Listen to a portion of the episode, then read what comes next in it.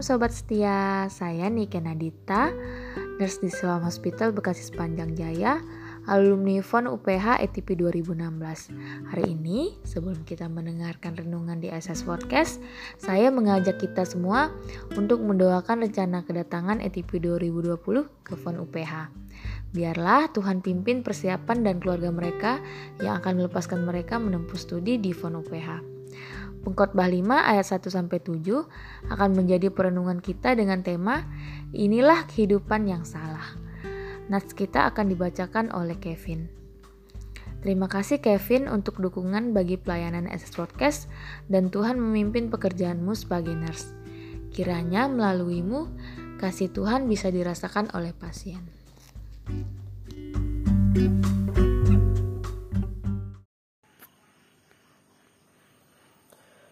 Pengkhotbah pasal 4 ayat 17 Jagalah langkahmu kalau engkau berjalan ke rumah Allah. Menghampiri untuk mendengar adalah lebih baik daripada mempersembahkan korban yang dilakukan oleh orang-orang bodoh.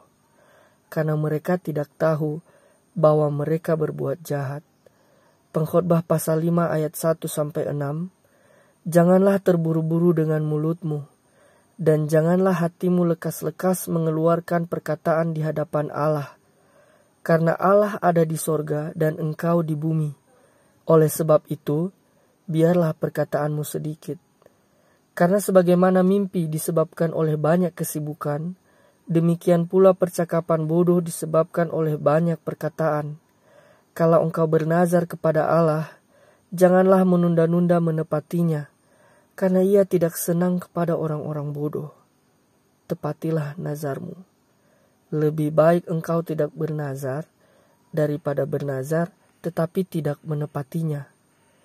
Janganlah mulutmu membawa engkau ke dalam dosa, dan janganlah berkata di hadapan utusan Allah bahwa engkau hilaf.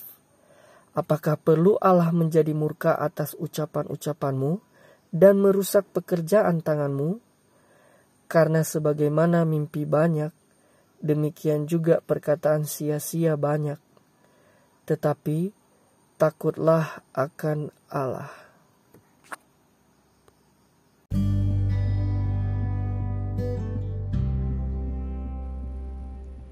Sekali lagi terima kasih kepada Kevin untuk supportnya bagi pelayanan SS Podcast dan juga terima kasih kepada Niken yang mendadak saya minta untuk membacakan introduksi di dalam edisi ini.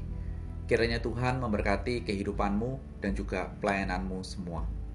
Sobat setia, mari kita berdoa.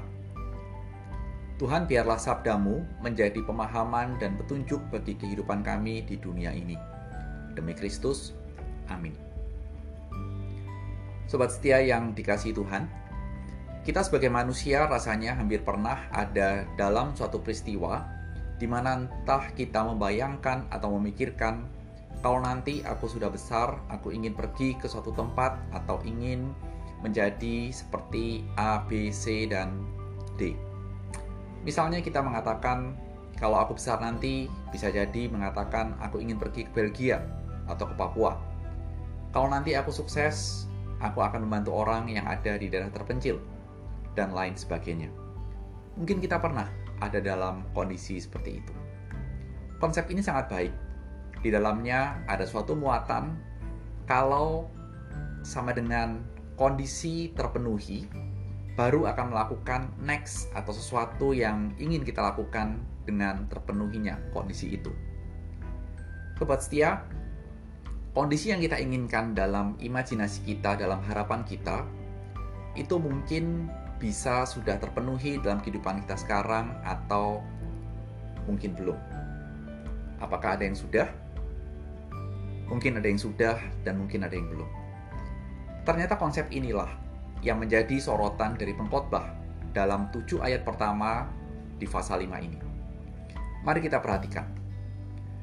Kalau di bagian sebelumnya, pengkhotbah mengatakan ada yang namanya tempat pengadilan tapi justru di pengadilan itu yang seharusnya keadilan ditegakkan, sering terjadi justru ketidakadilan yang bersinar di sana. Dan membuat orang yang ada di sana benar-benar merasakan bahwa itulah realita kehidupan di bawah matahari. Setelah membahas itu, pengkhotbah kemudian mengkontraskan pengadilan dengan tempat ibadah atau rumah Tuhan. Itu di ayat yang pertama. Dan ternyata ketika seseorang di rumah Tuhan, pengkhotbah memberikan paling tidak satu hal yang bisa menjadi sebuah pelajaran atau peringatan atau sebuah sentilan bagi kehidupan kita semua. Apa itu? Lihat, ketika di rumah Tuhan dikatakan lebih baik diam dan mendengar sabda Tuhan. Itulah kira-kira sederhananya yang disampaikan oleh pengkhotbah ini.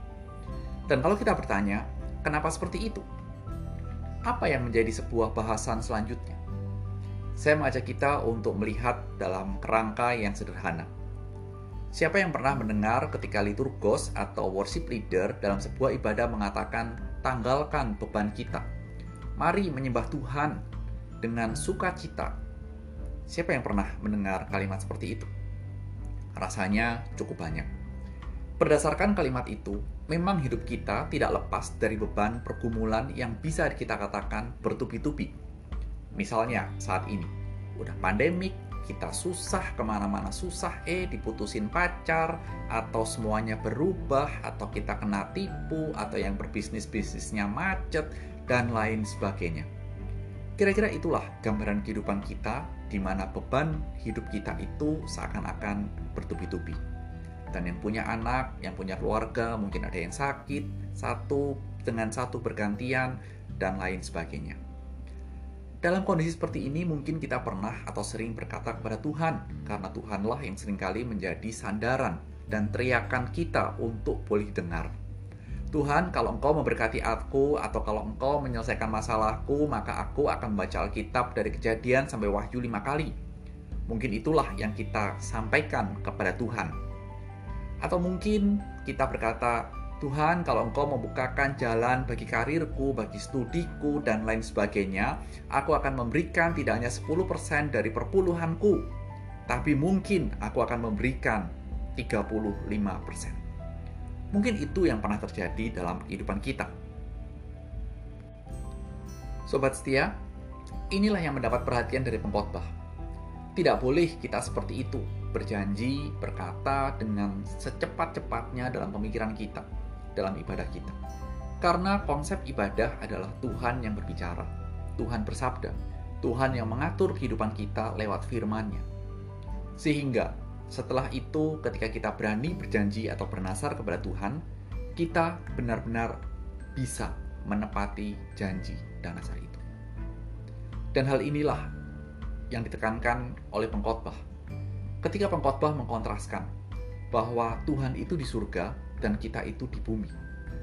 Sehingga bagi saya kalimat ini, penegasan ini menegaskan bahwa ketika kita berrelasi dengan Tuhan, jangan coba-coba menyuap Tuhan dengan persembahan, dengan perkataan-perkataan manis yang penuh janji.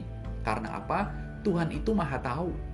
Dan dalam bahasa saya kira-kira Tuhan tahu kita akan bagaimana bila kondisi yang kita inginkan dengan kalau itu dipenuhi. Kalau Tuhan memberikan kesehatan, kalau Tuhan memberikan kelegaan, Tuhan menyelesaikan masalahmu, Tuhan tahu itu semua apa yang akan kita lakukan di kemudian. Dalam imajinasi saya menggambarkan kira-kira begini. Paling nanti kalau sudah karir bagus, kalau sudah masalah, semua masalah terselesaikan, kesehatan Tuhan kembalikan, kira-kira seperti itu, semua yang diucapkan oleh kita adalah ya tinggal ucapan. Bahasa kerennya adalah janji tinggal janji. Kira-kira benar begitu nggak kehidupan kita? Inilah kehidupan yang total keliru alias salah total.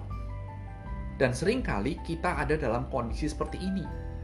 Sekali lagi saya tekankan ini adalah kehidupan yang salah. Namun perhatikan kehidupan Kristus.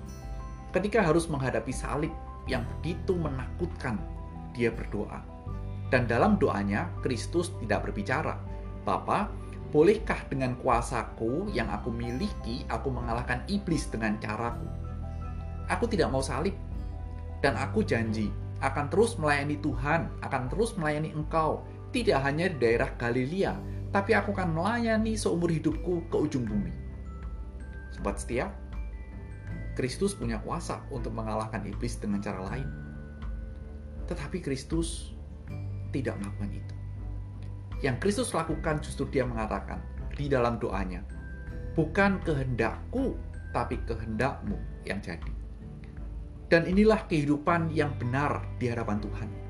Inilah sebuah kehidupan yang Tuhan Yesus tinggalkan untuk kita. Untuk dicontoh bagi anak-anaknya. Sobat siang dikasih Tuhan, sebagai perenungan kita, bagaimana kehidupan kita saat ini di hadapan Tuhan? Maukah dalam segala kesulitan kita mendengarkan sabda Tuhan dan justru tidak mengatur Tuhan untuk menata kehidupan seperti yang kita mau?